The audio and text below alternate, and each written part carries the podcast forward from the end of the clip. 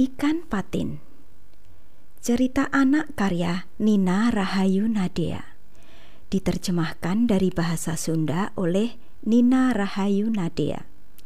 Pencerita Indah Darmastuti. Ilustrasi musik Endah Fitriana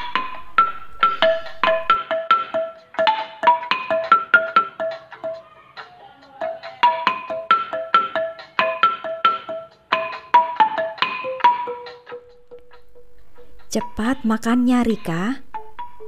Mama membuyarkan lamunan Rika. Rika nggak mau makan. Mengapa? Mama melihat ke arah Rika. Tidak suka ikan patin, bau amis. Oh, kata siapa bau amis? Dicoba dulu yuk. Enggak, enggak, pokoknya enggak. Rika tidak mau makan ikan patin. Di sekolah, Bu Guru sedang membahas ikan. Banyak sekali ikan yang dibahas pada saat itu. Ternyata, ikan banyak manfaatnya untuk kesehatan badan. Mengandung kalsium dan fosfor yang sangat bagus untuk menguatkan juga menyehatkan tulang. Makanya kalian harus banyak makan ikan supaya sehat dan pintar, kata Bu Guru. Tidak usah menghafal ya, Bu. Dani berteriak dari belakang. Ih, harus menghafal juga dong. Meskipun pintar, kalau tidak diiringi dengan belajar, ya tetap saja akan lupa. Kata Bu Guru sambil tersenyum. Ikan patin bagus juga ya, Bu. Rika mencoba bertanya. Iya, sangat bagus. Menambah kepintaran jawab Bu Guru. Tapi tapi Rika tidak suka, Bu. Sudah mencoba? Rika menggelengkan kepala. Dicoba dulu, pasti Rika akan suka dan ketagihan. Rika diam. Mama dan Bu Guru ternyata sama. Menyuruhnya agar suka dengan ikan patin. Ah, Mungkin harus dicoba juga ya. Rika menelan ludah. Membayangkan ikan patin yang tidak disukainya.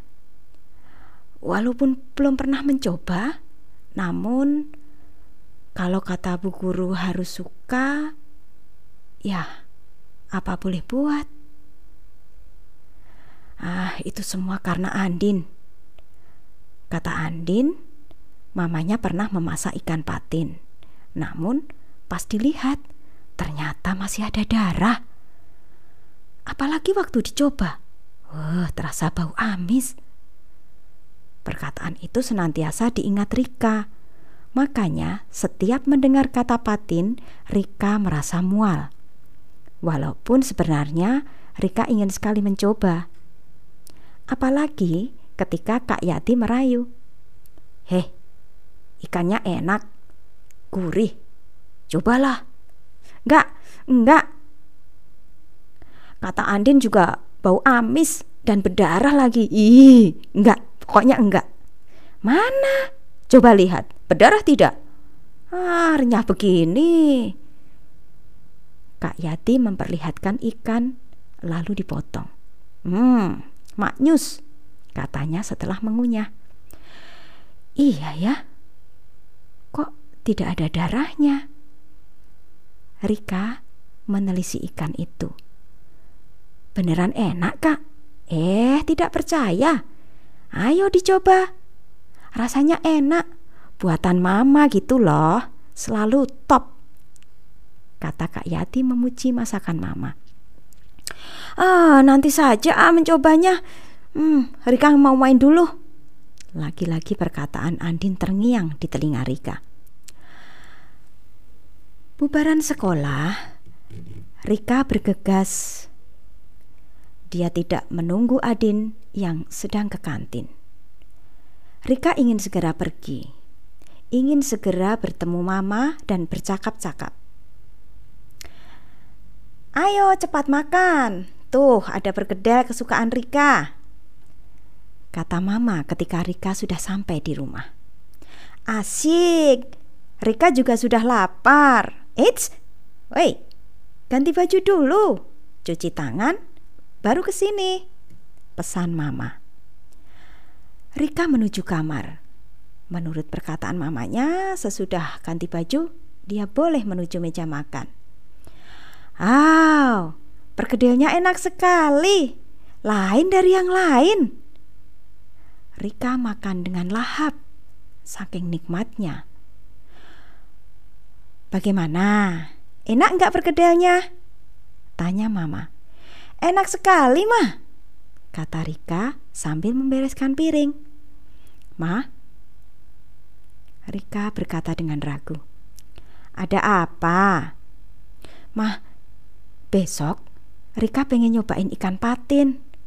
Kata bu guru, ikan banyak vitaminnya. Ya, supaya Rika tambah pintar, mah. Kan? Yang barusan Rika makan itu ikan patin. Hah? Beneran, mah? Kok enak sekali?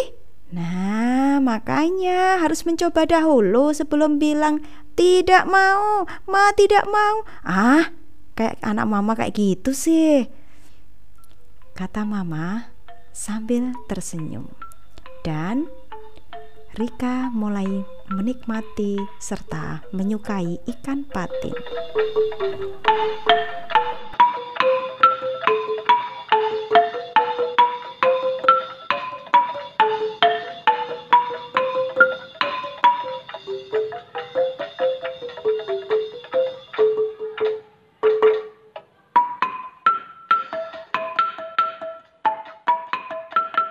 Sastra Suara ini dipersembahkan oleh divalitera.org bekerja sama dengan Direktorat Jenderal Kebudayaan Kementerian Pendidikan dan Kebudayaan Republik Indonesia.